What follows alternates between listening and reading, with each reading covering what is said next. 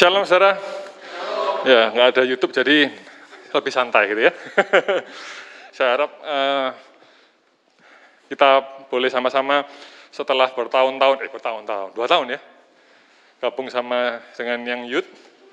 Saya pikir uh, kita coba ya mulai hari ini supaya porsi firmannya itu lebih pas gitu ya. Karena kalau yang dulu beberapa bicara di sini termasuk hari ini ada Om Kosase, ada Tanta juga, itu kadang kalau nyiapkan itu bingung gitu ya. Nanti nyiapkannya tentang pernikahan, tentang pekerjaan, tentang pokoknya yang 21 tahun ke atas gitu ya.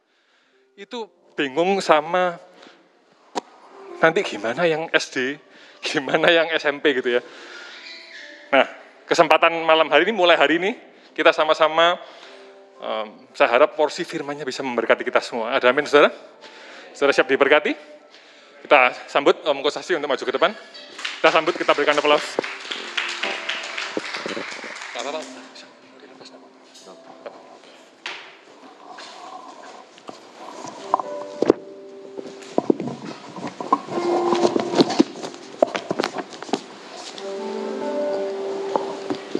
Puji Tuhan, saya minta izin permisi untuk tidak pakai masker ya.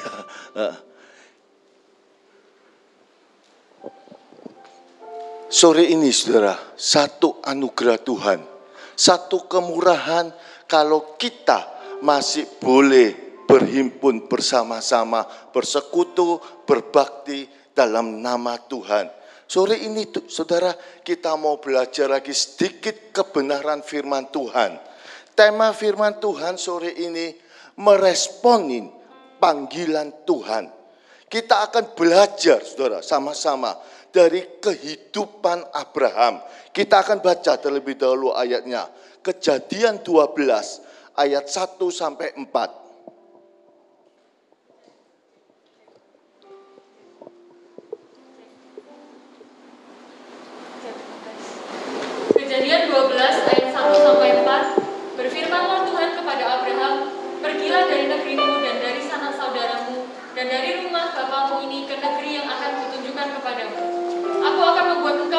Bangsa yang besar dan memberkati engkau, serta membuat namamu masyur, dan engkau akan menjadi berkat.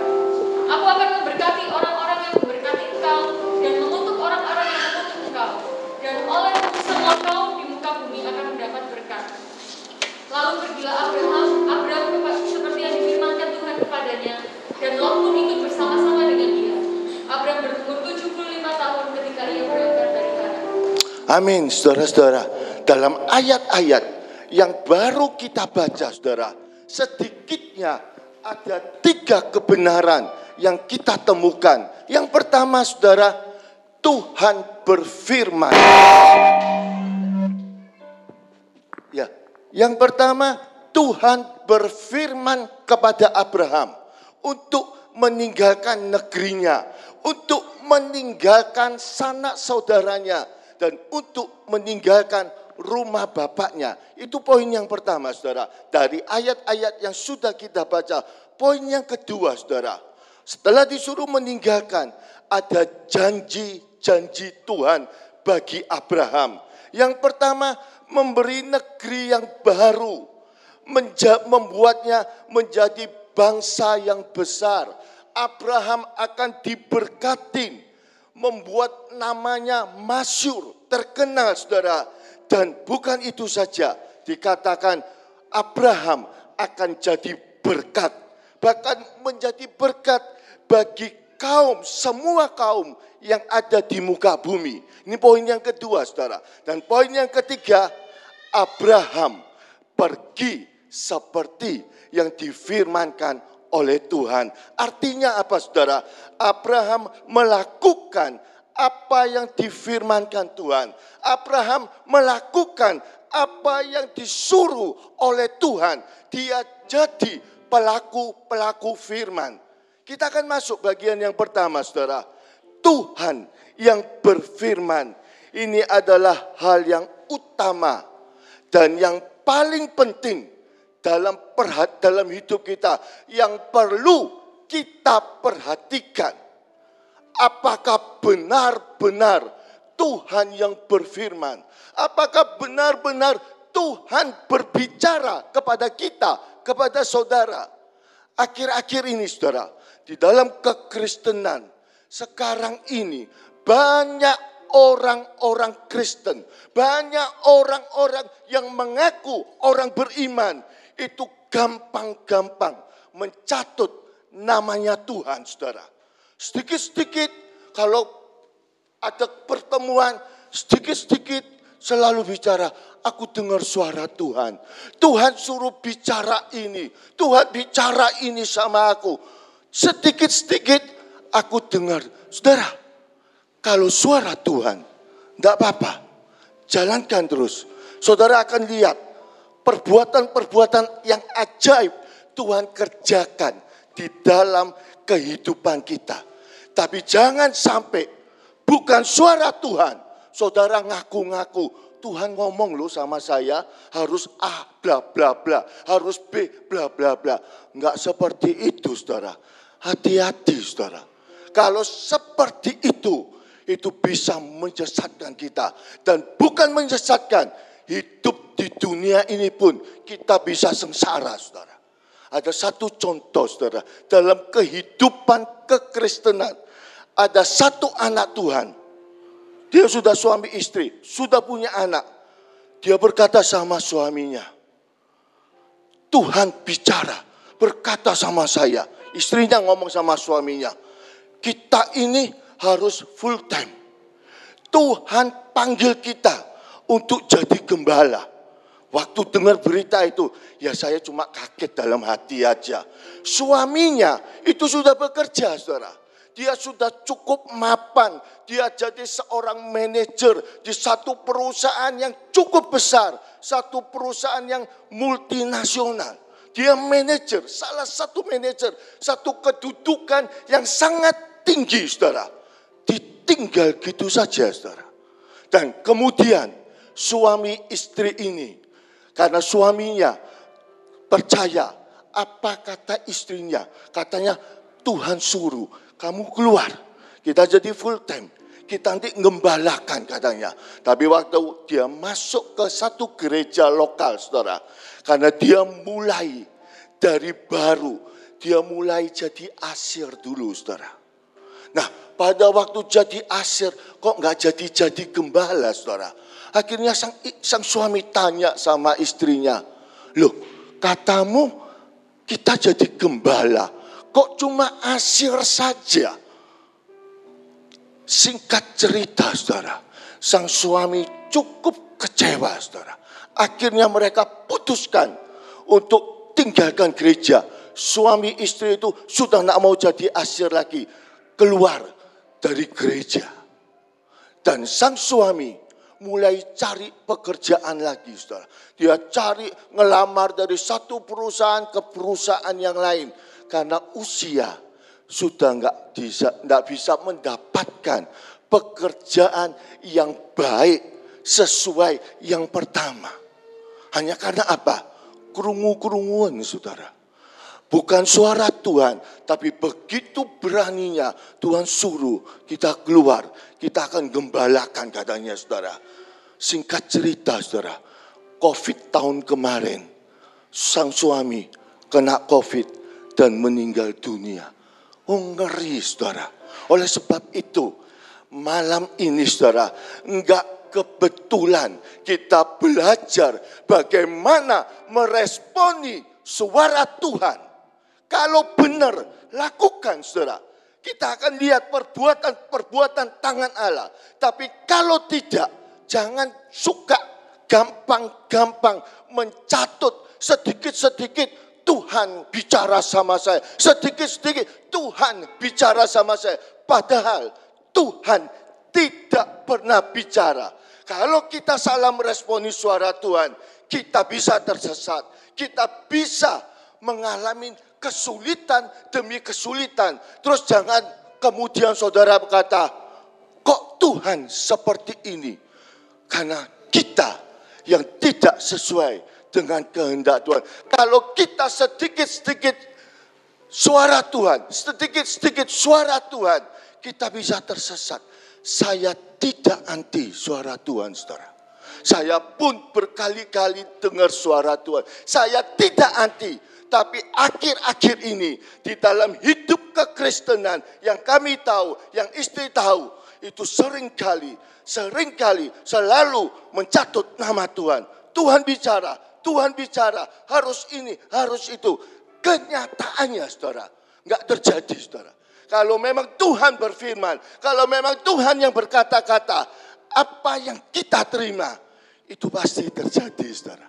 Nanti saya ada kesaksian-kesaksian, saudara. Oleh sebab, oleh sebab itu, mari kita belajar meresponin suara Tuhan yang baik. Kalau bukan suara Tuhan, jangan ngaku-ngaku. Jangan mencatut. Kita akan baca terlebih dahulu. Yeremia 14 ayat 14 sampai 16. Yeremia 14 ayat 14, jawab Tuhan kepadaku, para nabi itu bernubuat palsu demi namaku. Aku tidak mengutus mereka, tidak memerintahkan mereka, dan tidak berfirman kepada mereka. Mereka menubuatkan kepadamu penglihatan bohong, ramalan kosong, dan tipu rekaan hatinya sendiri. 15. Sebab itu beginilah firman Tuhan mengenai para nabi yang berbuat dem, bernubuat demi namaku, padahal aku tidak mengutus mereka dan yang berkata, perang dan kelaparan tidak akan menimpa negeri ini. Para nabi itu sendiri akan habis mati oleh perang dan kelaparan. 16 dan bangsa yang kepadanya mereka akan mereka bernubuat akan tercampak mati di jalan-jalan Yerusalem disebabkan oleh kelaparan dan perang dan tidak ada orang yang akan menguburkan mereka. Mereka sendiri, istri-istri mereka, anak-anak mereka yang laki-laki dan yang perempuan, demikianlah akan kutumpahkan kejahatan mereka ke atas mereka. 17. Ya, 16 saja. Ya saudara, kalau bukan suara Tuhan, Alkitab tadi yang sudah kita baca dengan jelas, kita akan mati saudara. Oleh sebab itu penting saudara kalau terima suara Tuhan, itu lakukan cek dan recheck. Apakah benar ini suara Tuhan? Tuhan yang memanggil, Tuhan yang menyuruh, Tuhan yang berkata-kata kepada kita. Tidak usah sungkan saudara sama Tuhan. Jangan malu untuk cek dan recheck Jangan sombong rohani saudara. Oh aku sudah orang lama di gereja. Setiap kali Tuhan selalu berfirman kepadaku. Tidak saudara. Tuhan ajarkan untuk kita cek dan recheck. Orang yang cek dan recheck itu bukan karena dia kurang iman. Atau tidak punya iman. Bukan juga karena dia kurang rohani. Tidak saudara. Tapi cek dan recheck itu perlu kita lakukan. Tuhan tidak pernah menyalahkan kalau saudara dan saya terima suara Tuhan untuk lakukan cek dan recheck. Tuhan tidak pernah salah, salahkan dan Tuhan tidak pernah murka atas hidup kita yang suka ngecek, ngecek, cek dan recheck terus. Justru Tuhan berkenan orang yang mau nurut dia, dia melakukan cek dan recheck kepada Tuhan. Sekarang kita akan melangkah lebih dalam lagi saudara. Bagaimana kita ngecek apakah benar ini suara Tuhan atau tidak. Kita akan lihat saudara. Apakah benar? Gimana om caranya ngecek ini suara Tuhan atau bukan. Ini suaraku sendiri atau suara setan. Dari mana? Yang pertama saudara. Minta tanda saudara. Seperti seperti yang dilakukan oleh Gideon. Gideon waktu malaikat Tuhan datang kepada dia, waktu malaikat Tuhan katakan, "Aku akan pakai engkau untuk menyelamatkan orang Israel." Gideon pada saat itu nggak yakin, saudara. Betul dah Tuhan. Tuhan mau pakai aku dia minta tanda. Tanda yang pertama dia minta. Kita akan baca Hakim-Hakim 6 ayat 16 sampai 17. Hakim-Hakim 6 ayat 16, berfirmanlah Tuhan kepadanya, tetapi akulah yang akan menyertai engkau, sebab itu engkau akan memukul kalah orang Midian itu sampai habis. 17. Maka jawabnya kepadanya, jika sekiranya aku mendapat kasih karunia di matamu, maka berikanlah kepadaku tanda bahwa engkau sendirilah yang berfirman kepadaku. Ya saudara, kalau saudara baca terus ayat 18 sampai 22. Gideon katakan, kalau Tuhan mau pakai aku, tunggu, aku tak pulang dulu, tak mengolah makanan dan roti tidak beragi sampai aku datang kembali dan malaikat Tuhan katakan, pergilah, aku akan menunggu. Dan pada waktu itu Gideon pulang, dia buat, dia olah kambing kambing domba, dia persembahkan kepada malaikat. Dan di dalam ayat yang ke-22 dikatakan Gideon baru tahu bahwa Tuhan memakai dia. Tidak berhenti di situ saudara.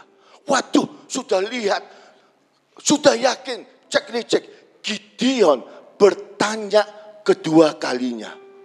Di dalam ayat yang ke-36 sampai yang ke sampai ke-40 kita nggak baca Saudara. Saya cerita aja, waktunya enggak keburu. 36 sampai 40. Pada waktu itu Tuhan, kalau Tuhan memang mau pakai aku, aku minta tanda lagi ya Tuhan. Dia motong kurungan bulu domba. Dia katakan, "Tuhan, kalau Tuhan mau pakai aku, tak taruh di padang. Biarlah yang punya yang berair hanya gulungan ini saja Tuhan. Dan Tuhan lakukan seperti yang diminta Gideon. Itu tanda kedua saudara. Dia melakukan cek dan reject, cek dan reject terus. Dan yang ketiga, dia sungkan sama Tuhan. Tuhan, jangan marah Tuhan ya. Aku minta tanda satu kali lagi. Kalau memang Tuhan mau pakai aku, aku minta satu tanda lagi.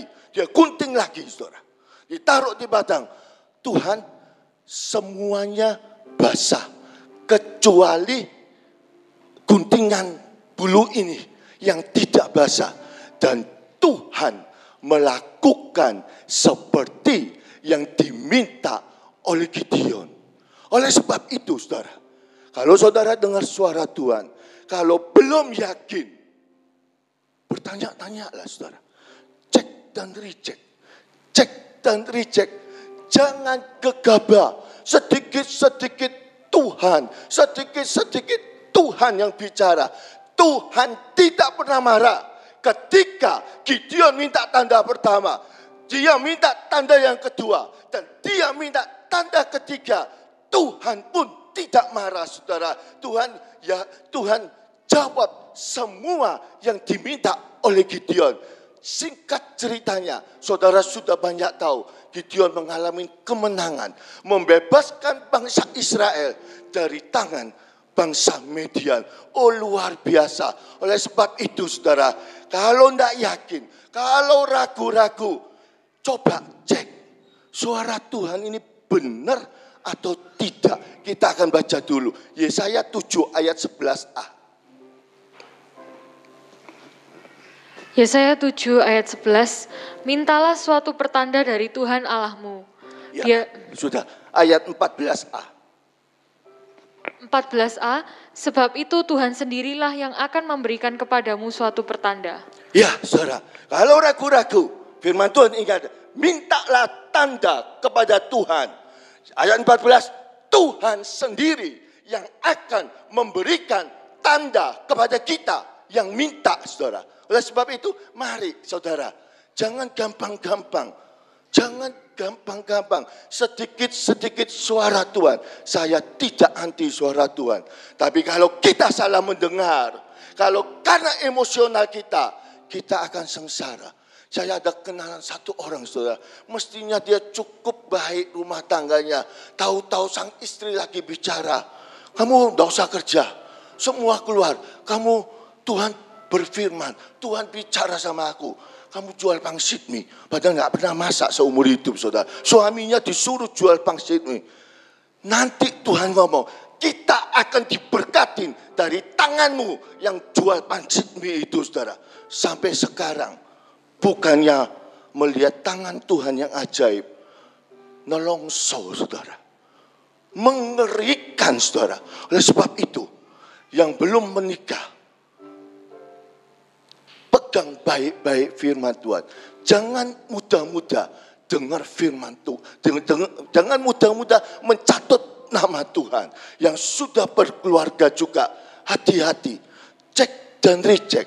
Walaupun yang bicara istri kita, walaupun yang bicara suami kita, cek dan recheck. Tuhan nggak pernah salahkan kita. Kita akan masuk bagian yang lebih dalam lagi, saudara. Bagaimana supaya kita bisa peka mendengar suara Tuhan. Yang pertama, saudara, hidup kudus.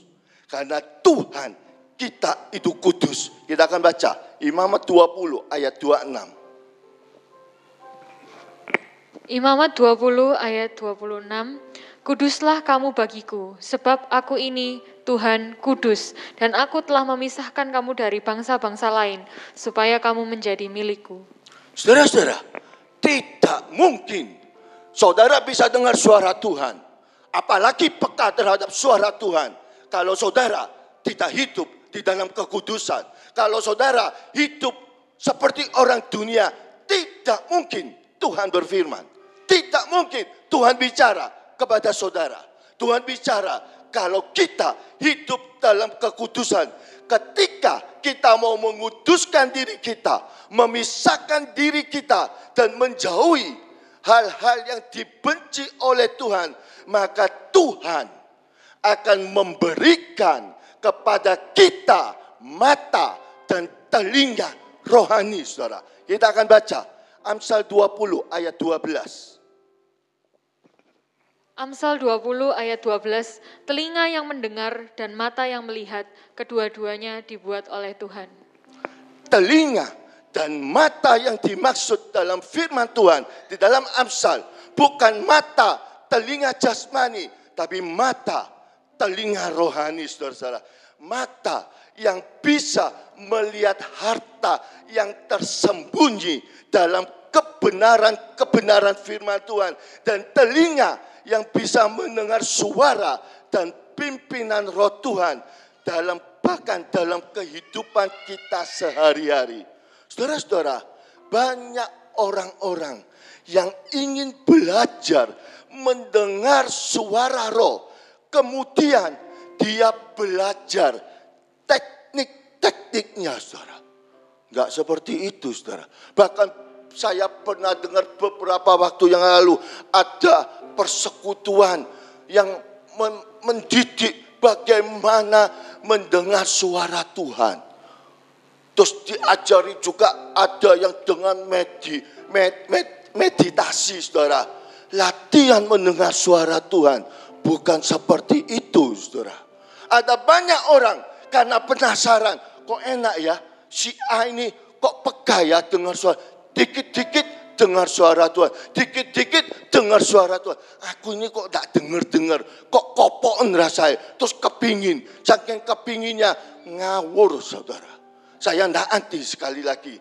Tuhan berfirman bukan pada waktu kita meditasi saudara. Atau menyendiri di gunung berdoa baru Tuhan berbicara. Tidak saudara.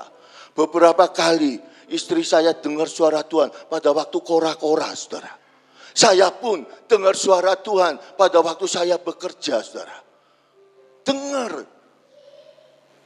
Bukan dengan cara teknik-teknik yang harus dipelajarin. Teknik apa pun. Kalau kita hidup di dalam dosa, tidak mungkin telinga ini bisa mendengar suara Tuhan. Telinga, mata ini bisa melihat Tuhan. Kalau kita hidup di dalam kekudusan. Sebab Tuhan yang membuat mata, Tuhan yang membuat telinga rohani ini, saudara. Yang kedua, saudara, bagaimana supaya tambah lama? Om, ya apa om? Supaya aku ini pegah. Yang kedua, itu taat, saudara. Taat itu mulai dari yang kecil. Bukan setelah besar baru taat. Tidak dalam kehidupan sehari-hari kita itu harus taat. Mengerti satu kebenaran, kita taat. Mengerti tidak mengerti, kita taat. Apa yang tertulis dalam Alkitab, itu kita taat, kita lakukan. Tapi kalau kita tidak taat akan firman Tuhan, tidak mungkin peka saudara. Bahkan Tuhan pun tidak akan bicara sama kita. Contoh dalam Alkitab, itu Saul saudara. Kita akan baca 1 Samuel 14 ayat 37. 1 Samuel 14 ayat 37. Saul bertanya kepada Allah, "Bolehkah aku mengejar orang Filistin itu? Akan kau serahkankah mereka ke dalam tangan orang Israel?" Tetapi pada hari itu ia tidak menjawab Saul. Saudara, pada hari itu Tuhan, ia huruf besar, tidak menjawab Saul. Karena apa saudara? Karena Saul tidak taat kalau saudara perhatikan di pasal sebelumnya, pasal 13, mengapa Allah sampai tidak bicara lagi sama Saul? Karena ketidaktaatan saudara. Karena dia melanggar apa yang diperintahkan Tuhan kepada Saul saudara. Ketika waktu itu saudara, Saul menunggu Samuel pada waktu itu dalam medan peperangan tunggu-tunggu Saul, eh Samuel tidak datang, saudara.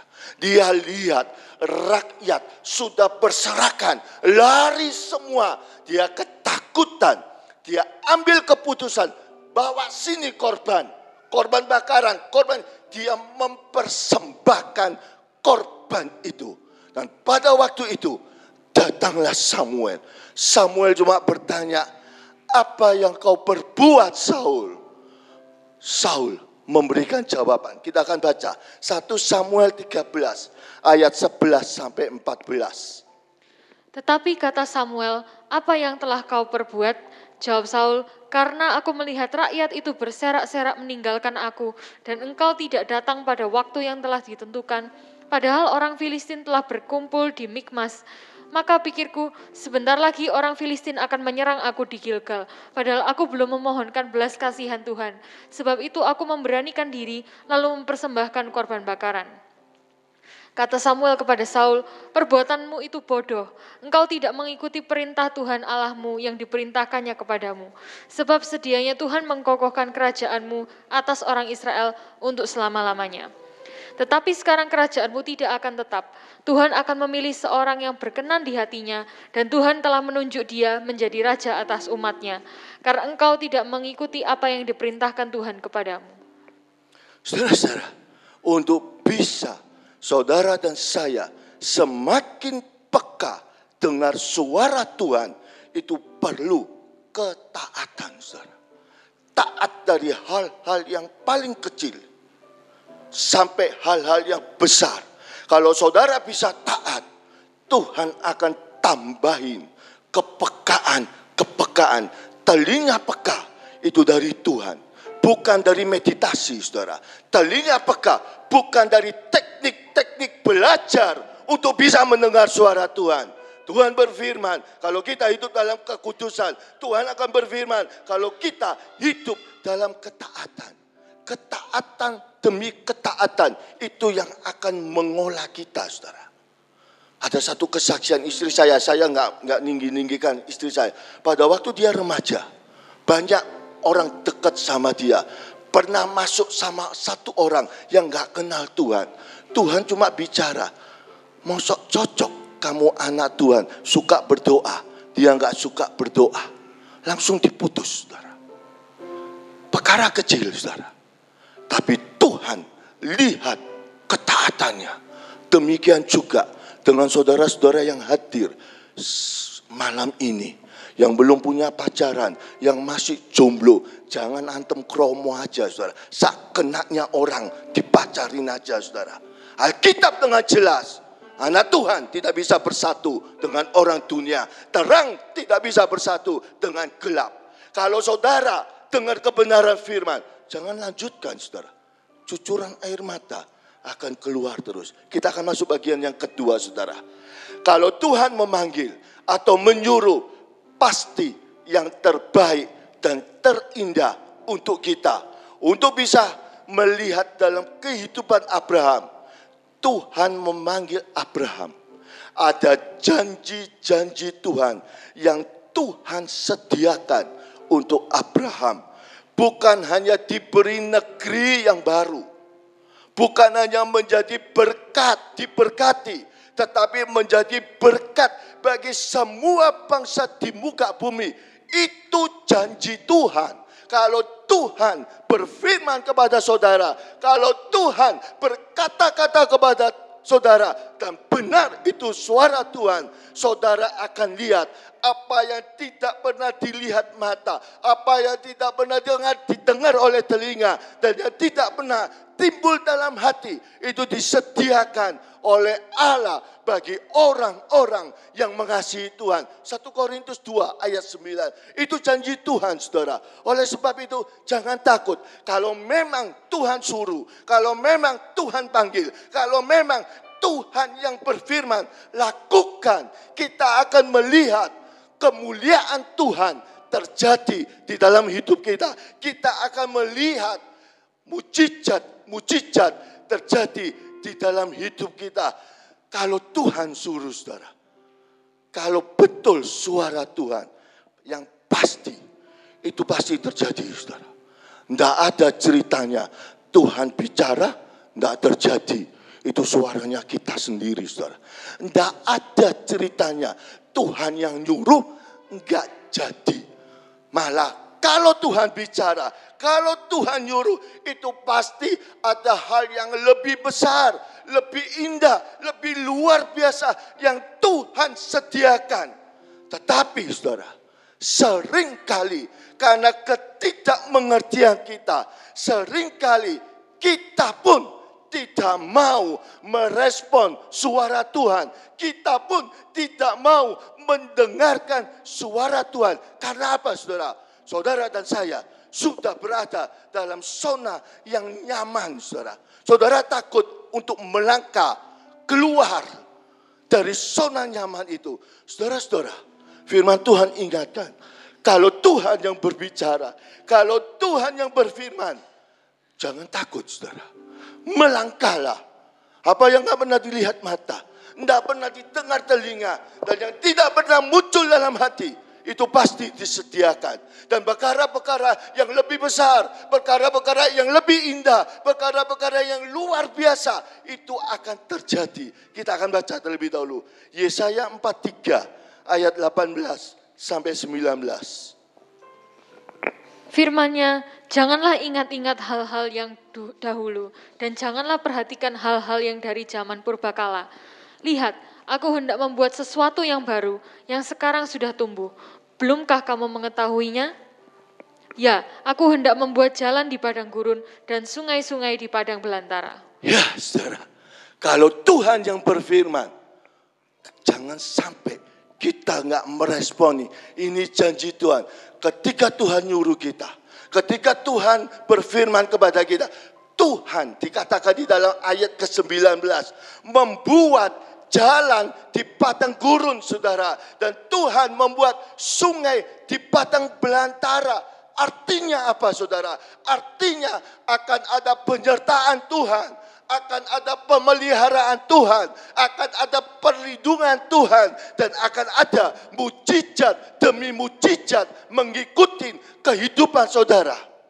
Mungkin awalnya ada sebagian tidak melihat itu. Tapi kalau saudara yakin ini suara Tuhan. Sudah minta tanda. Tuhan sudah yakinkan. Berjalan terus saudara. Saudara akan melihat perbuatan-perbuatan tangan Tuhan yang ajaib terjadi di dalam hidup kita. Yang penting Tuhan benar-benar berfirman kepada kita. Yang penting benar-benar Tuhan yang ngomong sama kita. Bertindaklah melangkahlah. Kalau Tuhan sudah suruh, jangan takut saudara. Jangan takut, lakukan apa yang Tuhan katakan. Saudara akan melihat tangan Tuhan yang ajaib, penyertaannya, pemeliharaannya, perlindungannya. Itu akan kita lihat step by step, saudara. Tuhan tidak pernah langsung kasih lihat sekian puluh tahun ke depan. Tapi langkah demi langkah kita akan lihat perbuatan-perbuatan tangan Allah yang ajaib. Poin yang ketiga yang kita akan bahas. Waktunya sebentar lagi kita tanya jawab, saudara. Poin ketiga, Abraham pergi seperti yang difirmankan Tuhan. Abraham percaya, saudara walaupun belum melihat dan itu diwujudkan. Dia pergi keluar dari Haran, saudara. Percaya itu bukan hanya di mulut, saudara. Bukan hanya di bibir saja, tetapi ada tindakan, ada perbuatan, ada langkah-langkah iman yang harus saudara dan saya lakukan. Kalau iman tanpa disertai dengan perbuatan, maka hakikatnya iman itu mati, saudara. Kita akan baca Yakobus 2 ayat 26. Yakobus 2 ayat 26 Sebab seperti tubuh tanpa roh adalah mati demikian jugalah iman tanpa perbuatan-perbuatan adalah mati. Ayat 20 Ayat 20, Hai manusia yang bebal, maukah engkau mengakui sekarang bahwa iman tanpa perbuatan adalah iman yang kosong? Saudara-saudara, sebenarnya kalau saudara lihat yang keluar dari Urkasdim itu bukan Abraham loh saudara. Tera saudara. Bapaknya Abraham untuk pergi ke tanah kanaan perjanjian. Awalnya itu Tera. Dia membawa anaknya Abraham. Dia membawa mantunya Sarah dan membawa cucunya Lot, saudara. Dia keluar tinggalkan Urkasdim menuju tanah Kanaan. Itu dibawa saudara. Tetapi saudara, di tengah perjalanan Tera itu berhenti di Haran saudara. Kita akan baca kejadian 11, 27 sampai 32. Kejadian 11, 27, inilah keturunan Terah. Terah memperanakkan Abram, Nahor, dan Haran. Dan Haran memperanakkan Lot. Ketika Terah ayahnya masih hidup, matilah Haran di negeri kelahirannya di Urkastim. Abram dan Nahor kedua-duanya kawin, nama istri Abram adalah Sarai, dan nama istri Nahor adalah Milka, anak Haran, ayah Milka dan Yiska. Sarai itu mandul, tidak mempunyai anak.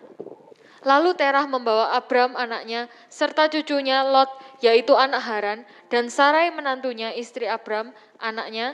Ia berangkat bersama-sama dengan mereka dari Urkastim untuk pergi ke tanah Kanaan. Lalu sampailah mereka ke Haran dan menetap di sana. Umur Terah ada 205 tahun, lalu ia mati di Haran. Saudara-saudara, saudara kita baru baca jelas Terah lah yang mula-mula keluar dari Urkasdim untuk pergi ke tanah Kanaan, saudara. Dia membawa Abraham anaknya, dia membawa Sarah itu mantunya, dan dia membawa cucunya Lot, saudara. Tetapi dalam perjalanan ke Kanaan, mereka melewati Haran, saudara. Tera berhenti, Tera menetap, dan dikatakan bahkan Tera meninggal di Haran. Tera berhenti di tengah jalan, tidak menyelesaikan perjalanannya sampai Kanaan. Padahal tujuannya, tujuan awal tinggalkan Urkasdim itu pergi ke tanah Kanaan. Tapi di tengah jalan dia berhenti bukan untuk istirahat, dia berhenti untuk menetap dan Alkitab katakan dia mati. Saudara-saudara, dalam meresponin panggilan Tuhan, jangan sampai saudara dan saya berhenti di tengah jalan seperti Tera, saudara.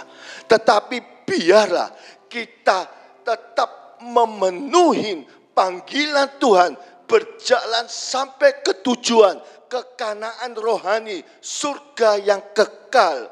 Dalam merespon panggilan Tuhan, permulaan saja nggak cukup saudara. Harus sampai finishing saudara. Harus sampai tanah perjanjian. Kita akan baca 2 Timotius 4 ayat yang ketujuh. Aku telah mengakhiri pertandingan yang baik, aku telah mencapai garis akhir, dan aku telah memelihara iman. Ini yang dikatakan Paulus, saudara. Dalam mengikut penyertaan saudara kepada Tuhan, jangan berhenti di jalan. Jalan terus. Kalau saudara dengar suara Tuhan, jalan terus sampai ke kanan. Kita akan melihat kuasa Tuhan semakin nyata di dalam hidup kita. Kita perlu menunjukkan iman kita sampai akhir, saudara. Sampai kita dipanggil Tuhan. Oleh sebab itu, Abraham yang disebut Alkitab, Bapak orang beriman sampai hari ini. Bukan Tera, saudara, yang disebut Bapak orang beriman. Tetapi Abraham, karena, oh, bukan, tetapi Abraham, betul. Karena Abraham yang menyelesaikan sampai final, saudara. Oh luar biasa. Oleh sebab itu, saudara, apa pun panggilan Tuhan, bagi hidup kita, kita harus menyelesaikannya sampai akhir hidup kita. Jangan menetap, jangan berhenti di haran seperti Tera. Kalau kita dipanggil, jangan berhenti. Karena kita lebih cinta dunia seperti Demas, saudara. Tinggalkan Tuhan dia cinta dunia. Jangan sampai karena panggilan itu kita berhenti seperti Simpson karena mata keranjang. Suka main-main sama perempuan. Memang awalnya kelihatannya melihat kuasa mujizat Tuhan. Tapi keempat kali dia tidak sadar bahwa Tuhan sudah tinggalkan dia. Dalam memenuhi panggilan Tuhan, Jangan kecewa saudara. Seperti murid-murid Tuhan Yesus. Pada waktu mereka melihat putra manusia Yesus disalib dan mati.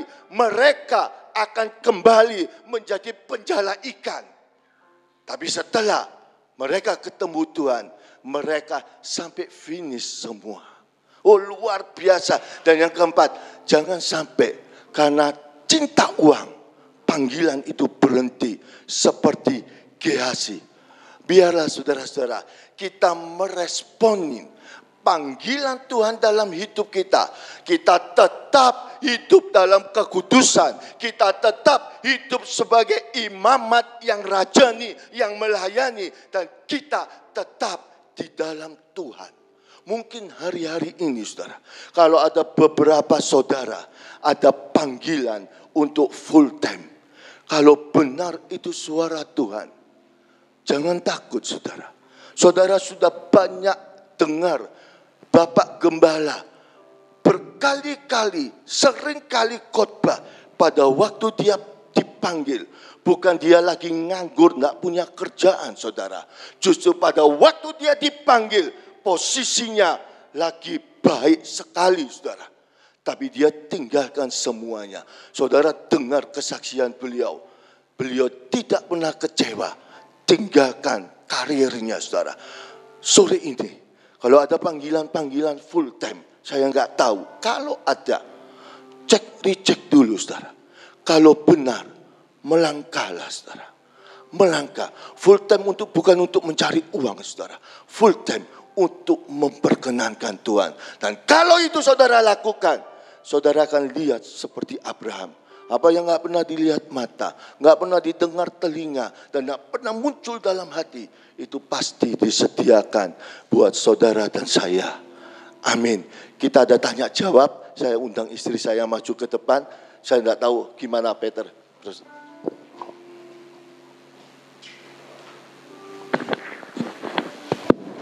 Oke, okay. um, mungkin tim acara bisa bantu tempat duduknya, mungkin bisa diaturkan di depan. Ya, uh, terima kasih Om Kosasih yang sudah menyampaikan uh, kebenaran firman Tuhan. Saudara, uh, malam hari ini, seperti tadi yang sudah disampaikan, satu bulan ini, saudara ya, bulan Juli ini, kita akan sama-sama belajar dari satu tokoh di Alkitab yang kehidupannya sangat memberkati kita semua, saudara ya, yaitu Abraham, saudara ya. Hari ini kita belajar sama-sama bagaimana kita itu meresponi panggilan Tuhan. Seperti tadi Abraham dijelaskan keluar dari Ur Kasdim, lalu tadi sudah jelaskan juga bagaimana saat dipanggil itu saudara ya, uh, itu di, seperti seolah-olah dibongkar zona nyamannya saudara. Pergi, kalau saudara baca dengan detail, pergi keluar dari Ur Kasdim itu, ya sudah disuruh pergi ke negeri perjanjian, berjalan seolah-olah itu lihat tanda itu uh, step by step ya om ya. Jadi nggak harus nggak nggak detail, nggak seperti ada langsung uh, tuntunan yang pasti sudah.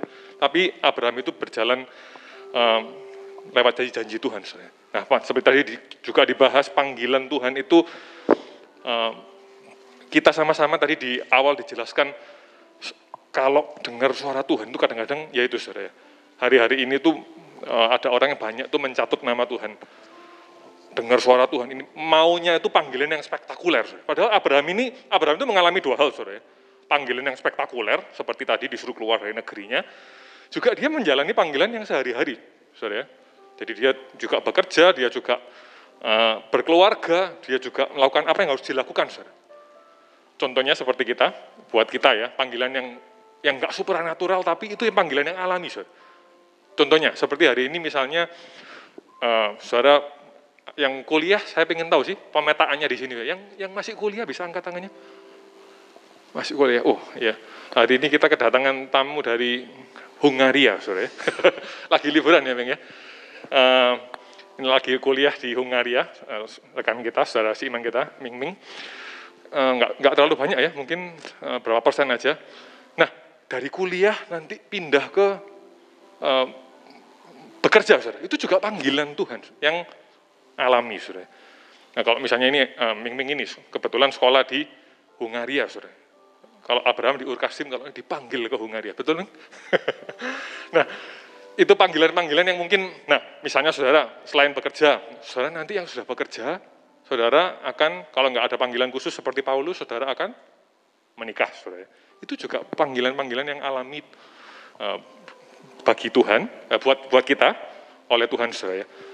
Apalagi saudara, misalnya saudara yang asalnya malam hari ini ya, beberapa tahun yang lalu saudara ada di youth, ya, saudara ada di pelajar. Sekarang saudara pindah ke CAP, saudara.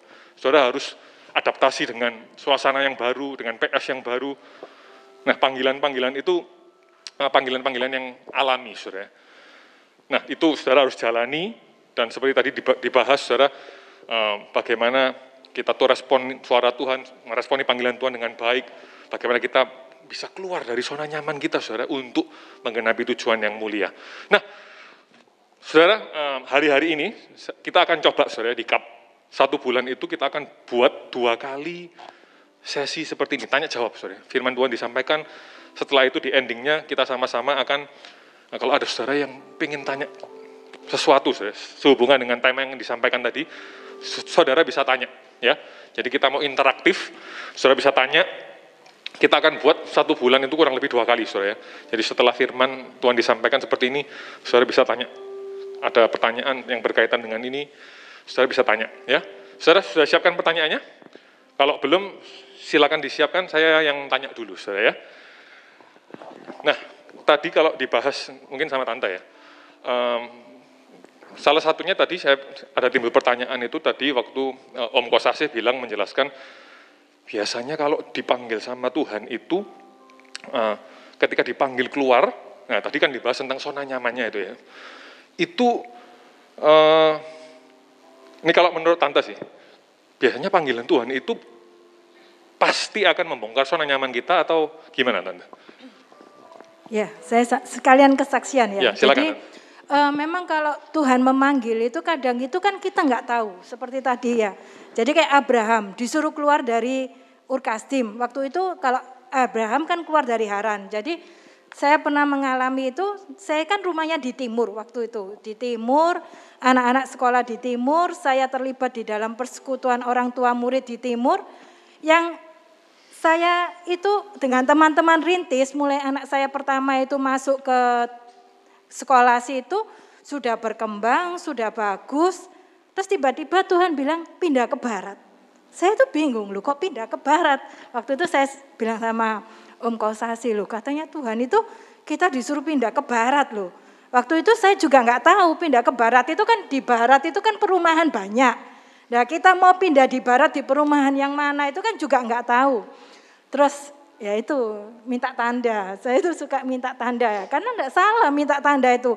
Karena eh, kalau kita nggak minta tanda, takutnya itu kita salah. Dikatakan di firman Tuhan, ujilah setiap roh.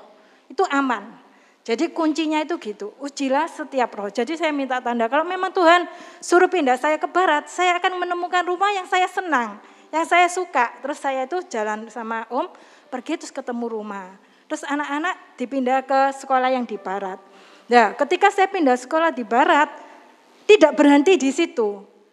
Kalau Tuhan memanggil, pasti ada satu rencana, satu rancangan yang tadi dikatakan lebih indah, lebih mulia, lebih luar biasa. Jangan stop di tengah jalan seperti Tera. Ya. Ketika saya di sana, tuh saya masuk persekutuan di sana. Persekutuan orang tua murid juga di sana, karena kan sekolahnya sama, satunya West, satunya East. Nah saya pindah yang ke di West, di West itu persekutuannya masih baru mulai, kira-kira dua tahun, tiga tahun.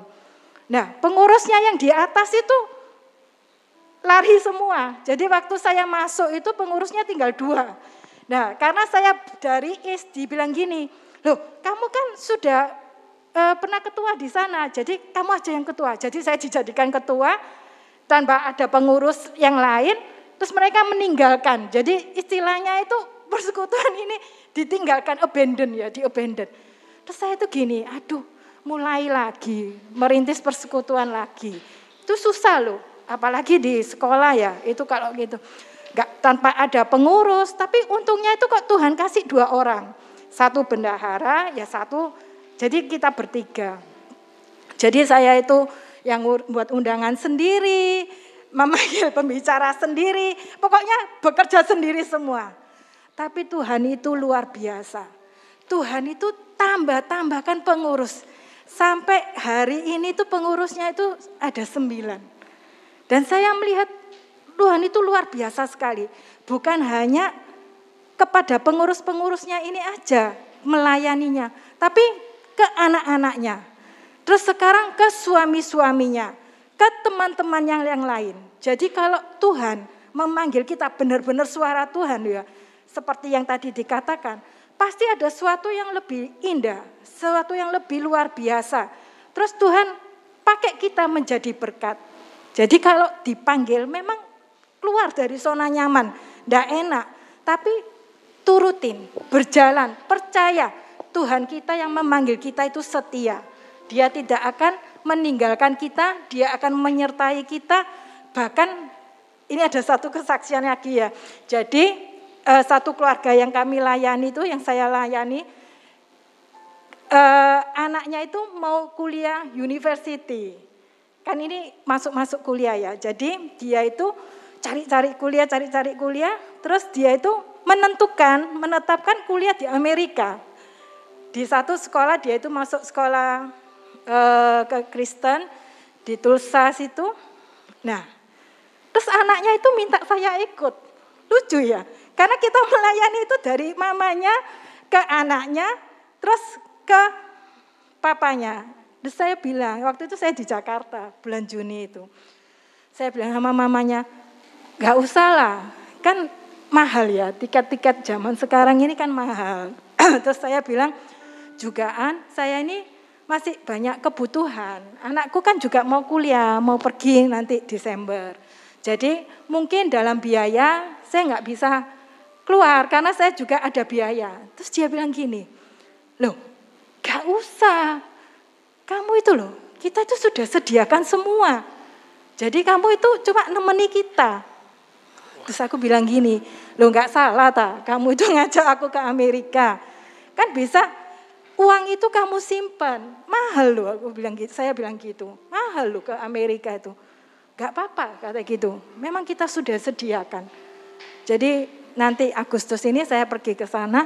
Jadi semuanya itu disediakan karena anaknya itu merasa ada apa bonding. Ya, jadi dia itu ah, Ivoni ikut temani kita.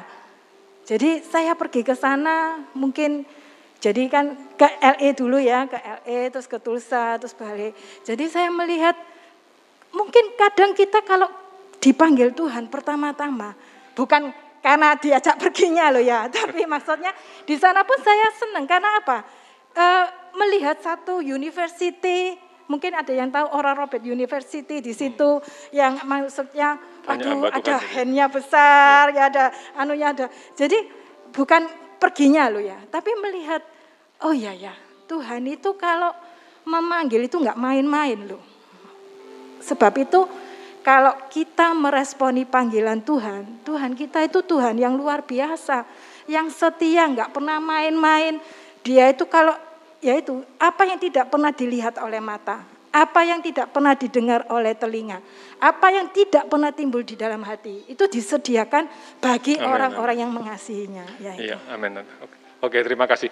Saudara, ada yang sudah siap untuk bertanya? Silakan disediakan mic-nya di sini. Saudara bisa maju ke depan. Ada saudara yang mau tanya? Belum ada? Kalau belum ada ya, saya Bapak Eko mau tanya ya. Oh, enggak, garuk-garuk aja. Nah kalau gitu, nah nanti ini kita mau dengarkan satu kesaksian saya, tapi saya pengen tanya dulu. Ya sambil mungkin saudara sambil mikir-mikir kira-kira mau tanya apa.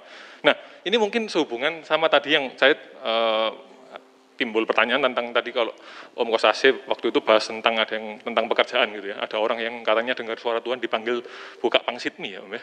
Suruh jadi pangsitmi tapi nyatanya nggak nggak jadi-jadi gitu ya. nah ini saya pengen nanya uh, beberapa waktu yang lalu Uh, itu ya, saya ada satu satu ide gitu ya. Ini untuk untuk pekerjaan sore ya.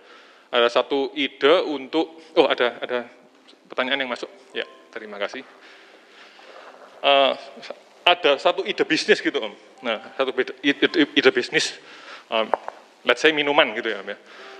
Nah, untuk ya saya nggak tahu ini bisa dikategorikan kalau saudara yang mungkin dapat visi dari Tuhan atau dapat ide, kreativitas dari Tuhan, dapat hikmat dari Tuhan, apa pun saudara ya. Nah, waktu ada ide bisnis itu, let's say minuman gitu Om ya. Pertama kali yang yang uh, yang pasti kalau ada orang punya ide bisnis kan yang pasti pengen sukses gitu ya. Nah, tapi waktu eh, tanya-tanya uh, gitu ya sama orang-orang yang sudah sudah bisnis Eh, minuman atau makanan dan lain sebagainya, terutama yang minuman misalnya ini. Saya dengar ada satu minuman yang terkenal yang di Surabaya, kalau saya sebutkan mereknya, saudara pasti tahu mereknya gitu ya. Itu uh, berdasarkan ceritanya, baru bisa sukses itu saya lupa 8 atau 10 tahun gitu. Waktu dengar itu pertama kali langsung eh, 8 sampai 10 tahun lama banget. So. Jadi daging ini setiap kali ada ide bisnis atau setiap kali ada, ya itu ada kepinginan mengerjakan sesuatu, itu daging ini seolah-olah berontak. Gitu. Masa harus tunggu 8-10 tahun baru sukses gitu ya? Ada yang mungkin sampai puluhan tahun dan lain sebagainya. Nah, kalau misalnya kita sudah cek dan dicek, memang itu memang Tuhan yang kasih eh, buat kita setiap kita ide bisnis atau apa pun itu pekerjaan apa pun Nah, cara menghadapinya, menjalani proses ini loh. Kan kalau kita tahu sama-sama, kalau saya pikir kalau kita baca di Alkitab juga dengarkan kesaksian pebisnis-pebisnis yang sukses, itu rasanya nggak ada yang instan, loh. kecuali ya itu ya, apa isi sudah ya, ya, kecuali yang yang, nah biasanya kalau isi money ya kita tahu sama-sama nggak bisa everlasting. Sudah. Nah, itu gimana mengatasinya supaya uh, kalau kita dipanggil mendapat panggilan Tuhan, mungkin mendapatkan eh, ide bisnis dan lain sebagainya. Itu bagaimana menghadapi perasaan daging ini yang pengen instan terus gitu loh. Intinya pengen cepat sukses. Pokoknya enggak, kalau kita sama-sama tadi dengar, eh, misalnya kayak tante tadi, ceritanya persekutuannya dibongkar, suruh bikin persekutuan baru, itu pasti kan enggak nyaman, ya, pasti kan enggak enak gitu. Segala sesuatu kalau kita baca di Alkitab, Abraham disuruh keluar, selalu ada tantangan, dan tantangannya itu biasanya enggak main-main, ya. harus menunggu, dan lain sebagainya. Itu tips-tipsnya gimana supaya kita itu bisa survive dalam waktu menunggu, meresponi sampai janji Tuhan itu betul-betul terjadi dalam hidup kita. Ya, uh, seperti tadi yang saya saksikan, sang suami itu tidak pernah masak, saudara. Dari bujang itu, dari anak-anak sampai besar, sampai merit, tidak pernah masak. Nah, tahu-tahu katanya istrinya dengar suara Tuhan, dia yang harus masak pangsit mie. Maksud saya gini, kalau betul suara Tuhan, walaupun perlu menunggu sekian lama, hidupnya nggak tambah ah, sengsara, saudara. Masa hari-hari ini bayar listrik nggak bisa, bayar PDAM nggak bisa, bayar uang sekolah nggak bisa. apakah itu dari Tuhan? Nah, jadi kalau kita dengar suara Tuhan, memang nggak bisa langsung enak, nggak ada ceritanya saudara. Nah, di dalam masa proses ini, paling tidak nggak ngisin-ngisini Tuhan gitu loh saudara. Masa bayar listrik aja nggak bisa, kan kebetulan Peter ini sudah berkeluarga. Masa beli susu anaknya aja nggak bisa, kan nggak kelihatan pemeliharaan Tuhan. Itu tetap ada. Nah, di dalam menunggu melawan daging, kalau benar kita disuruh bisnis, ya kita minta tanda sama Tuhan. Kalau tanda demi tanda diberikan Tuhan, melangkahlah. Daging memang berontak, tapi percayalah Tuhan pasti buat mujizat. Tidak mungkin di tengah jalan terus sampai Ya seperti yang saya ceritakan, tidak bisa bayar ini, tidak bisa bayar itu, anak tidak sekolah, anak tidak bisa bayar uang sekolah, itu tidak mungkin terjadi. Allah kita enggak Allah jahat, saudara. Kalau dia panggil, dia sediakan pemeliharaannya juga. Kalau dia panggil, dia juga memberikan perlindungan kepada kita. Jadi kita harus mulai pakai iman, saudara. Memang tidak gampang. Tapi kalau kita melangkah dengan iman, saya yakin Tuhan pasti buka jalan. Apa yang Tuhan katakan, apa yang Tuhan firmankan, itu akan dilaksanakan. Mungkin saya. Mungkin saya bisa tambahkan sedikit, misalnya kalau yang parah sampai kayak Yusuf gitu. Itu kan sampai dijual jadi budak, itu kan secara manusiawi kita lihat, ya seperti yang Om bilang gitu ya. Sampai mungkin, uh, mungkin kalau tadi kan sampai bang, misalnya sampai bangkrut tidak bisa bayar apa-apa misalnya Om ya. Kalau Yusuf itu kan sambil menjalani panggilan. Kalau ini ceritanya Yusuf menjalani panggilan Tuhan itu kan dia sempat nggak karuh sampai titik terendah sampai dijual jadi jadi ham, jadi budak dan lain sebagainya. Itu nah ya bagaimana? intinya itu apa benar-benar Tuhan yang berbicara. Kalau Tuhan yang berbicara benar-benar Tuhan itu yaitu Tuhan itu setia dan sanggup memelihara kita. Jadi itu juga dialami oleh anak saya. Jadi waktu pandemi kan rencananya itu kan mau pergi ke Cina terus nggak jadi toh. Nah terus dia itu nggak kerja, habis nggak kerja terus diterima satu pekerjaan. Pertama ya gitu, kok kayaknya lu ini benar ta, benar ta ini dari Tuhan. Uh, flashback dulu ya sebelumnya, jadi waktu dia kuliah di kuliah itu saya itu dapat, dia itu dapat, kamu kuliah jurusan ini. Jadi dia kuliah jurusan ini, ya itu sudah saya cek-cek loh padahal. Terus begitu dia itu tidak dapat kerjaan. Tidak dapat kerjaan, terus dia itu bilang sama gini, Mah, katanya teman-teman kuliahku itu nanggung. Bisnis gak bisnis, lau gak lau. Jadi aku ini tidak dapat kerjaan, mah. Saya itu langsung dek, loh mosok salah ya ini waduh ini kan masa depan ya. ya. Masa depan itu kan kalau kita makanya salah mendengar bukan Tuhan yang berbicara terus kita catot-catot namanya Tuhan kan ikut prihatin ya. Kalau tidak dapat kerjaan apalagi di suasana kerjaan yang sulit, ekonomi yang sulit. Waktu dia bicara gitu sangat menusuk. Saya sampai bilang gini, aduh Tuhan musuk salah ya. Tapi dia bilang gitu, teman-teman bilang jurusanku ini salah mah bisnis gak bisnis, lo gak lo, jadi nggak ada yang terima aku kerjaan. Katanya gitu, wes aku sekolah lagi, ngambil mau ngambil S2. Terus saya itu tanya Tuhan, mosok Tuhan salah. Aduh, saya itu sampai ya malu hati, ya ya berdoa. Akhirnya kita kan anak-anak Tuhan kalau ada apa-apa ya kembalinya berdoa lagi. Terus akhirnya terjadilah pandemi itu. Dia enggak bisa kuliah. Terus enggak bisa kuliah, tambah marah toh, tambah depresi kan. Loh, wis wis dipanggil pulang dari Australia, maunya dia sekolah S2, wis tidak dapat kerjaan, kena pandemi, nganggur lagi. Eh tiba-tiba ada yang menawarkan pekerjaan. Itu luar biasa. Kita tidak mencari, kita tidak ngomong. Dia tuh teman saya tiba-tiba bilang gini, eh anakmu itu mau kerja di tempatnya suamiku ta. Loh, Isa tadi, ya Isa kamu melamar aja. Kalau masuk ya masuk. Ketika dia masuk di situ ternyata itu adalah tempat konsultan nomor dua di Indonesia. Terus dia begitu masuk, Eh semua yang dia kerjakan itu materi kuliahnya dia itu kepake semua.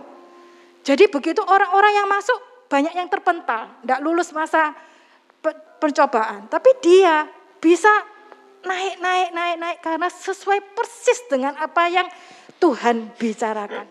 Memang ada proses menunggu. Kayak saya waktu di IPH itu, di sekolahnya Maria itu, dia 4 SD. Tapi buahnya itu SMA 2. Lama loh. Makanya kenapa ada cerita Tera, a man who stop in the quest. Jadi kita itu tidak boleh berhenti di tengah jalan. Kalau itu benar firman Tuhan. Kalau itu benar suara Tuhan. Kenapa ada Abraham, ada Tera? Karena tidak sabar. Jadi man stop in the quest. Orang yang berhenti di tengah perjalanan. Jangan sampai kita berhenti. Kalau itu benar Tuhan, biarpun menunggu lima tahun, enam tahun, kayak saya waktu sama Om tadi di-sharingkan itu, itu juga tanya Tuhan. Tapi apakah langsung seperti ini? Enggak. Enaknya apa langsung begitu menikah dua tahun, tiga tahun? Tidak. Tapi bertahun-tahun. Tapi ketika bertahun-tahun kita lewati, kita lihat buah-buahnya. Ada buah anak, yang pasti. Ada buah pelayanan saat ini. Ada buah-buah yang lain. Jadi jangan berhenti di tengah jalan. Sebab itu Tuhan, itu firman Tuhan itu luar biasa. Ada Abraham, ada Tera, pilih yang mana? Ya, thank you. Menguatkan sekali saudara ya. Jadi saudara jelas tadi message-nya. Malam hari ini adakah saudara yang sedang, yaitu tadi, harus stopkah gitu ya. Saudara mau berhenti, tapi kalau itu saudara coba tadi sudah diulang berulang kali saudara, cek dan recheck saudara. Kalau memang itu betul dari Tuhan saudara, do not stop saudara ya. Jangan berhenti, teruskan minta kekuatan dari Tuhan. Ada amin saudara. Sebelum ini satu pertanyaan penutup saya simpan dulu, tapi saya mau undang ya, uh, saudara seiman kita, yang zona nyamannya berulang kali dibongkar sama Tuhan. Dari awal Pokoknya nanti kita dengarkan eh, kesaksiannya, saudara ya. Mungkin ada saudara yang sudah, sudah dengar kesaksiannya, ada yang belum, yang belum disimak dengan baik-baik, saudara. Bagaimana zona nyaman yang berulang kali dibongkar Tuhan, saudara. Tapi sampai hari ini, dia bisa uh, bilang Tuhan itu baik, saudara. Kita sambut Angel, silakan maju ke depan, kita berikan aplaus.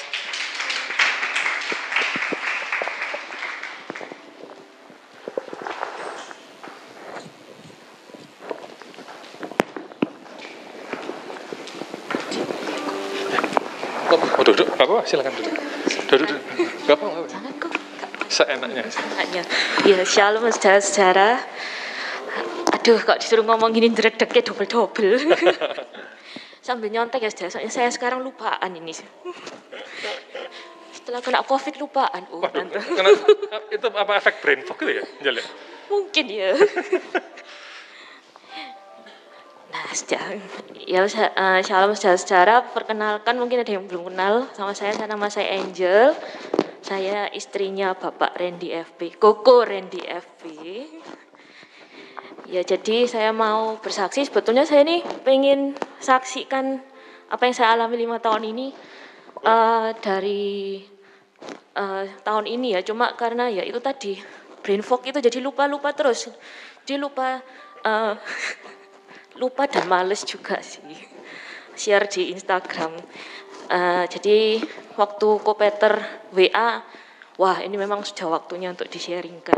Mungkin beberapa teman yang tahu dan tahu secara live juga Kopeter, Ko Eko, Johan dan beberapa teman lainnya juga sudah tahu. Jadi saya tuh uh, selama hidup saya 27 tahun, saya tuh hidupnya tuh nyaman banget gitu. Saya anak tunggal, cewek satu-satunya, ya tahu sendiri lah ya, Ladies Little Princess. Princess. Iya. Keluarga saya juga happy family. Saya bisa kuliah di tempat yang baik, punya kesempatan masa muda yang indah lah pokoknya. Satu-satunya pergumulan saya tuh waktu itu cuma jodoh, tapi itu nanti ada ceritanya sendiri. Tuhan juga oh, jawab juga. Bisa berseri-seri nih kesaksiannya. nah itu pelayanan saya juga pelayanan dari kecil pokoknya nyaman banget gitu. Sampai suatu suatu hari sampai saya menikah dengan suami saya tanggal 2017 bulan Maret. Setelah satu bulan setelah menikah semua plan saya itu berjalan dengan lancar. Saya pengen honeymoon di sini kesampaian. Saya pengen tinggal di sini berdua juga kesampaian. Dan rasanya oh enak ya merit kayak gitu awal-awal merit kan enak yang sudah merit nah tapi satu bulan setelah kita merit uh, papa mertua saya tuh sakit jarak jadi harus masuk rumah sakit dalam satu bulan tuh dua kali. Jadi kita tuh harus ke rumah sakit setiap hari. Nah, di situ kita nggak bisa ngerasain indahnya kehidupan manten baru yang mungkin kalian sudah dan sedang mengalami atau akan mengalami. Nah, dan pada bulan Mei itu papa mertua saya meninggal dunia Mei awal ya. Itu memang uh, pukulan yang besar buat suami saya dan keluarga dan saya juga. Tapi nggak sampai situ aja. Delapan hari setelah papa mertua saya meninggal, papa saya juga ikut meninggal saja. Kayaknya apa sih gitu ya. Nah kan saya sudah bilang di sini kan Daddy's Little Princess, jadi kok ditinggal papa tuh kan rasanya uh, stres gitu. Dunia saya kayak jungkir balik karena buat saya papa saya itu segalanya gitu. Nah tapi Tuhan tidak mau itu. Nah sejak papa saya meninggal dunia itu uh, saya tuh bisa dibilang uh, agak malu ya anak Tuhan tidak boleh gini sebenarnya stres ya secara saya itu sakit-sakitan dan paling parah itu lambung saya sampai saya itu punya GERD. Sampai saya tuh setiap minggu itu harus ke IGD subuh-subuh untuk suntik kayak gitu. Saya nangis, saya sakit ini, sakit itu. Saya bilang sama suami saya kok hidup saya kok kayak gini, kenapa kayak gini? Sakit-sakitan. Udah sakit-sakitan juga masih harus kerja. Soalnya kan papa saya juga ada pekerjaan uh, kongsi sama orang saya juga harus gantikan posisinya papa saya. Dan puji Tuhan saya sudah masuk kantor itu selama dua tahun jadi kurang lebih saya tahu apa yang harus saya lakukan. Dan puji Tuhan juga bos besarnya juga uh, sangat baik. Dia bimbing saya. Dan sampai hari ini juga saya dibimbing sampai saya boleh ya nanti itu pertama nanti endingnya aja. Lalu suatu hari saya di, pergi ke IGD rumah sakit yang ada di Undaan, nah, jelas ya. Nah itu dokter bilang gini, kamu itu nggak sakit apa-apa, kamu tuh stres, kamu pergi ke psikiater ya itu. Wih, saya kan malu sebagai anak anak Tuhan saya apalagi sudah pelayanan saya ini kan punya harga diri anak Tuhan ya itu. Masa anak Tuhan harus ke psikiater? Nah sejak itu saya bangkit ya sejarah saya saya ngelawan serangan cemas saya kayak gitu. Sampai saya tuh dapat serangan cemas kok kumat itu kayak diobok-obok sesak napas sering saya kalau hari Rabu Bible study itu saya suka pulang duluan ya karena itu serangan panik itu sampai kok hari juga sering doakan saya itu nah saya bangkit saya lawan diri saya sendiri ketakutan saya dan suami saya juga menguatkan terus. Saya disuruh alpet terus dan alpet saya puji Tuhan sampai hari ini nggak pernah bolong sejarah. Itu yang jadi kekuatan saya setiap hari. Di saat saya mulai bangkit saya mulai uh, mau fight gitu ya dengan keadaan itu eh gantian mama saya yang sakit sejarah. Mungkin beberapa sudah ada yang tahu karena waktu ke periksa itu ketemu kok Eko, kok Peter, Johan juga. Dan sakit itu karena terpukul kehilangan papa saya dan juga saya yang sakit-sakitan kayak gitu.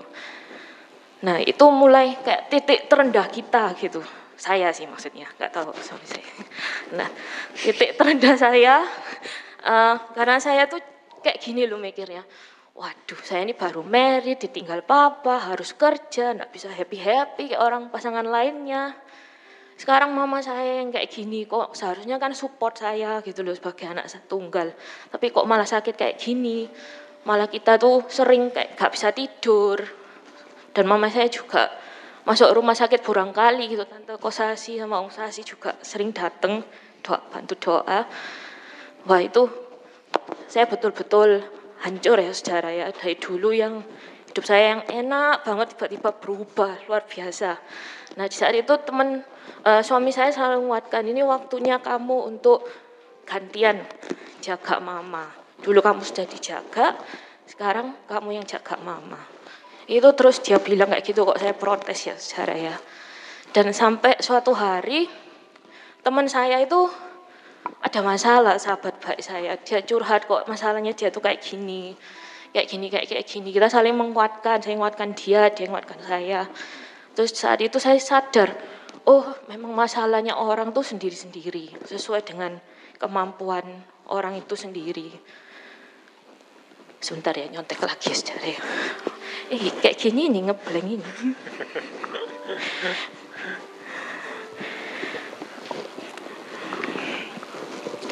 Nah, setelah saya sadar itu, saya mulai menerima keadaan. Saya enggak menuntut mama saya seperti ini, mama harus gini, mama harus gini. Saya nerima. Ya saya ikut ikuti aja proses yang Tuhan mau kayak gitu. Nah, uh, sampai 2019 pertengahan, mama saya itu mulai pulih ya saudara, mulai baik kayak gitu obatnya juga dikurangin yang dulu banyak banget dikurangin nah itu saya merasa wah happy terus kesehatan saya GERD saya juga mulai sembuh. Um, lalu saya juga mulai hidup sehat perbaiki diri saya. Dan itu saya sadar kalau saya tuh berubah banyak kayak gitu secara saya tuh kayak merasa saya tuh upgraded kayak gitu Angela 2.0 kayak gitu. Saya tuh dari dulu yang keras banget pengennya A harus A, maunya A harus A, itu bisa lebih lunak kayak gitu, lebih sabar juga, lebih pengertian, lebih dewasa gitu, dan lebih mengandalkan Tuhan juga dalam hidup saya. Nah, itu mulai enak 2019 jalan enak sampai saya diberi kesempatan. Itu mulai pelayanan di gereja sama adik saya Pauline. Saya diajak kepanitiaan pertama kali itu di sini. Ya mulai itu jadi semakin rajin kepanitiaan ya nah itu saya kok merasa wih wis nyaman kayak gitu setelah anniversary kita yang ketiga tahun saya dan suami juga akhirnya dikasih momongan kayak gitu wih ini waktu di USG juga semuanya bagus hasil lab bagus jantung bagus apa segala macam bagus kita rasa wah ini sudah wih wis mari kayak gitu loh prosesnya yang kita harus hadapi. Mama saya mulai baik, kita juga dapat keturunan. Duh pengen nangis kok. nah, tapi ternyata belum ya saudara ya. Waktu jalan minggu ketujuh tiba-tiba saya mengalami pendarahan dan akhirnya difonis kalau saya miscarriage ya, saya dan anak kita dipanggil Tuhan lagi uh, waktu itu kita hancur banget tapi bedanya di situ saya ada kekuatan lebih gitu daripada yang sebelum pernah saya alami kita saya bisa bangkit dan bisa dikatakan saya bangkit dan comeback stronger What doesn't kill you make you stronger ya? Ya betul. Nah terus itu kita percaya ya mungkin Tuhan ada rencana atau apa atau membuktikan kalau kamu tuh bisa hamil kayak gitu. Kita selalu berpikir kok Tuhan nggak pernah salah kayak gitu. Pasti ada rencananya. Ya setelah itu kita tetap pelayanan seperti biasa sambil menunggu. Ternyata secara Desember akhir pas waktu tanggal lahiran yang seharusnya lahir itu saya dan suami kena covid secara Terima kasih Tante Kosasi sama Um atas bantuannya waktu itu. kita betul-betul clueless ya, soalnya kan awal-awal COVID. Nah waktu itu kita berpikir kalau saya waktu itu hamil sejarah dan harus melahirkan, jangan kita berdua itu kan sendiri ya, kita nggak ada sejarah di sini, jarak kandung maksudnya. Itu berat banget gitu sejarah. Soalnya dapat cerita dari kesaksian teman saya yang waktu hamil muda kena covid, babynya ya cacat dan segalanya terus meninggal dunia terus waktu melahirkan juga dilempar ke sana ke sini tuh kayaknya di luar kekuatan kita gitu saudara. Jadi kita berpikir oh ya ini memang rencana Tuhan tahu kita seperti kekuatan apa yang sudah tuh hmm, angel ngomongnya belibet lagi kok ah, tolong dimaklumi ya. Tahu uh, kekuatan apa yang kita punya itu yang Tuhan berikan prosesnya pada kita. Dan puji Tuhan, 2021 saya lewati dengan proses pemulihan karena waktu itu saya belum kena, eh belum kena, belum vaksin ya saudara, jadi saya tuh long covidnya lumayan panjang. 2021 saya pemulihan, 2022 ini yang baru-baru aja terjadi ini saya saya tuh merasa Tuhan itu sedang menata rapi hidup saya kayak gitu. Kemarin yang aduh habis di op diganti dipisah-pisah Tuhan mulai menata rapi. Aduh, nggak tahan kok. mulai bulan bulan apa ini ya? Juni ini, puji Tuhan mama saya tuh tiba-tiba mau kembali ke gereja secara oh sungguh-sungguh hal yang luar biasa buat saya. Saya melihat Tuhan itu begitu baik dalam hidup saya secara dia mau merubah saya, merubah mama saya, merubah cara pandang saya, merubah iman saya juga dan menjadikan saya dan suami saya tuh jadi satu lebih cepat. Duh, gak kuat kan gue. Randy mungkin bisa bantu. Randy mungkin mau bantu Randy. Jadi walaupun saya masih dalam masa, kita masih dalam masa penantian, saya percaya sih Tuhan pasti akan terus beserta sama kami berdua dan keluarga saya. Amin, amin. Sekian. Oke, okay, that's it. Amazing. Saudara. saya. Thank you, thank you Angel. Thank you. Balik ya, Ya, silakan, ya. silakan kembali. Kok, eh, taruh sini aja, nggak apa. Amazing, saudara ya. Entah berapa kali, saudara. Saudara dengar sendiri, saudara ya. Berulang kali dibongkar zona nyamannya, saudara. Tapi lihat, saudara, mereka berdua masih tetap berdiri sampai sekarang, bukan karena kekuatan mereka, tapi seperti tadi disaksikan, semua karena anugerah Tuhan. Ada amin, saudara. Kita eh, terus bantu doa, saudara. Kita eh, sama-sama support buat saudara-saudara iman yang lain, yang mungkin ada pergumulan dan lain sebagainya. Kita saling mendoakan. Ada amin, saudara. Terakhir, saudara, ya, untuk eh, menutup, eh, saya bacakan satu buat pertanyaan. Ini ada pertanyaan, Om, Tante. Setelah itu nanti kita selesai. Om, Tante, saya ingin bertanya, suara Tuhan itu kan tidak hanya audible. Bisa jadi Tuhan itu berbicara melalui mimpi. Nah, sudah kejadian beberapa kali, Tuhan titipkan melalui mimpi, lalu kejadiannya terjadi. Jika selalu mengalami dengar suara Tuhan melalui mimpi, apakah ini juga harus tetap dikonfirmasi dengan minta tanda? Jadi kalau sudah mimpi, apa itu tetap harus cek-recek tadi Om? Nah, Yusuf mengalami dengar suara Tuhan melalui mimpi. Dan bagaimana caranya bisa mengerti arti mimpi tersebut? Ya ini pertanyaannya ini. Silakan mungkin mau dijawab Om atau Tante mungkin? Ya, saya jawab aja. Ya, silakan Om. Apa pun yang kita terima, tidak ada salahnya kita tetap melakukan check and recheck. Apa keberatannya kita ngecek? Kalau memang itu betul suara Tuhan, tidak apa-apa. Tapi kalau kita terima mimpi itu dan yakin ini dari Tuhan, lakukan. Tapi jangan sampai kita itu kerungu-kerungun. Suara Tuhan memang tidak selalu audible. Malah kalau audible sering-sering malah saya sanksi, saudara. Tuhan tidak pernah tidak pernah titik sedikit-sedikit audible bicara bicara. Saya ikut Tuhan hampir 50 tahun. Saya dengar suara Tuhan audible baru dua kali saja, saudara. Tapi yang lain lewat firman, lewat firman, lewat firman. Saya sekali lagi tidak mengecilkan suara Tuhan. Tapi kita harus cek and recheck supaya tidak salah ambil keputusan. Supaya kita tidak sampai tersesat atau kita mengalami hal-hal yang kurang baik. Jadi kalau memang sudah pengalaman berkali-kali, nggak apa-apa kalau yakin. Tapi kalau enggak, tidak ada salahnya cek and recheck dilakukan terus. Iya, ini mungkin istri saya mau tambahin. Ya, silakan Tante, mungkin mau nambahi. Iya, memang kadang itu kalau kita terlalu oh yakin, yakin, yakin kadang itu karena dunia roh itu kan kayak mimpi ya. Mimpi pun bisa Tuhan bicara lewat mimpi, tapi juga iblis bisa kasih panah-panah lewat mimpi. Suara juga begitu, bisa dari kita, dari Tuhan, dari iblis. Karena iblis itu kan maksudnya mau menyesatkan kita. Jadi jangan sampai kita itu seperti tadi dikatakan sombong rohani. Kadang itu kita kan di firman Tuhan katakan, janganlah satu pun menyangka dirinya itu berdiri tegak. Jangan sampai jatuh. Jadi gak apa-apa karena kan Tuhan ndak marah. Saya juga waktu sama Om Kosasi pertama kali diantar begitu masuk rumah langsung Tuhan bicara, ini loh jodohmu.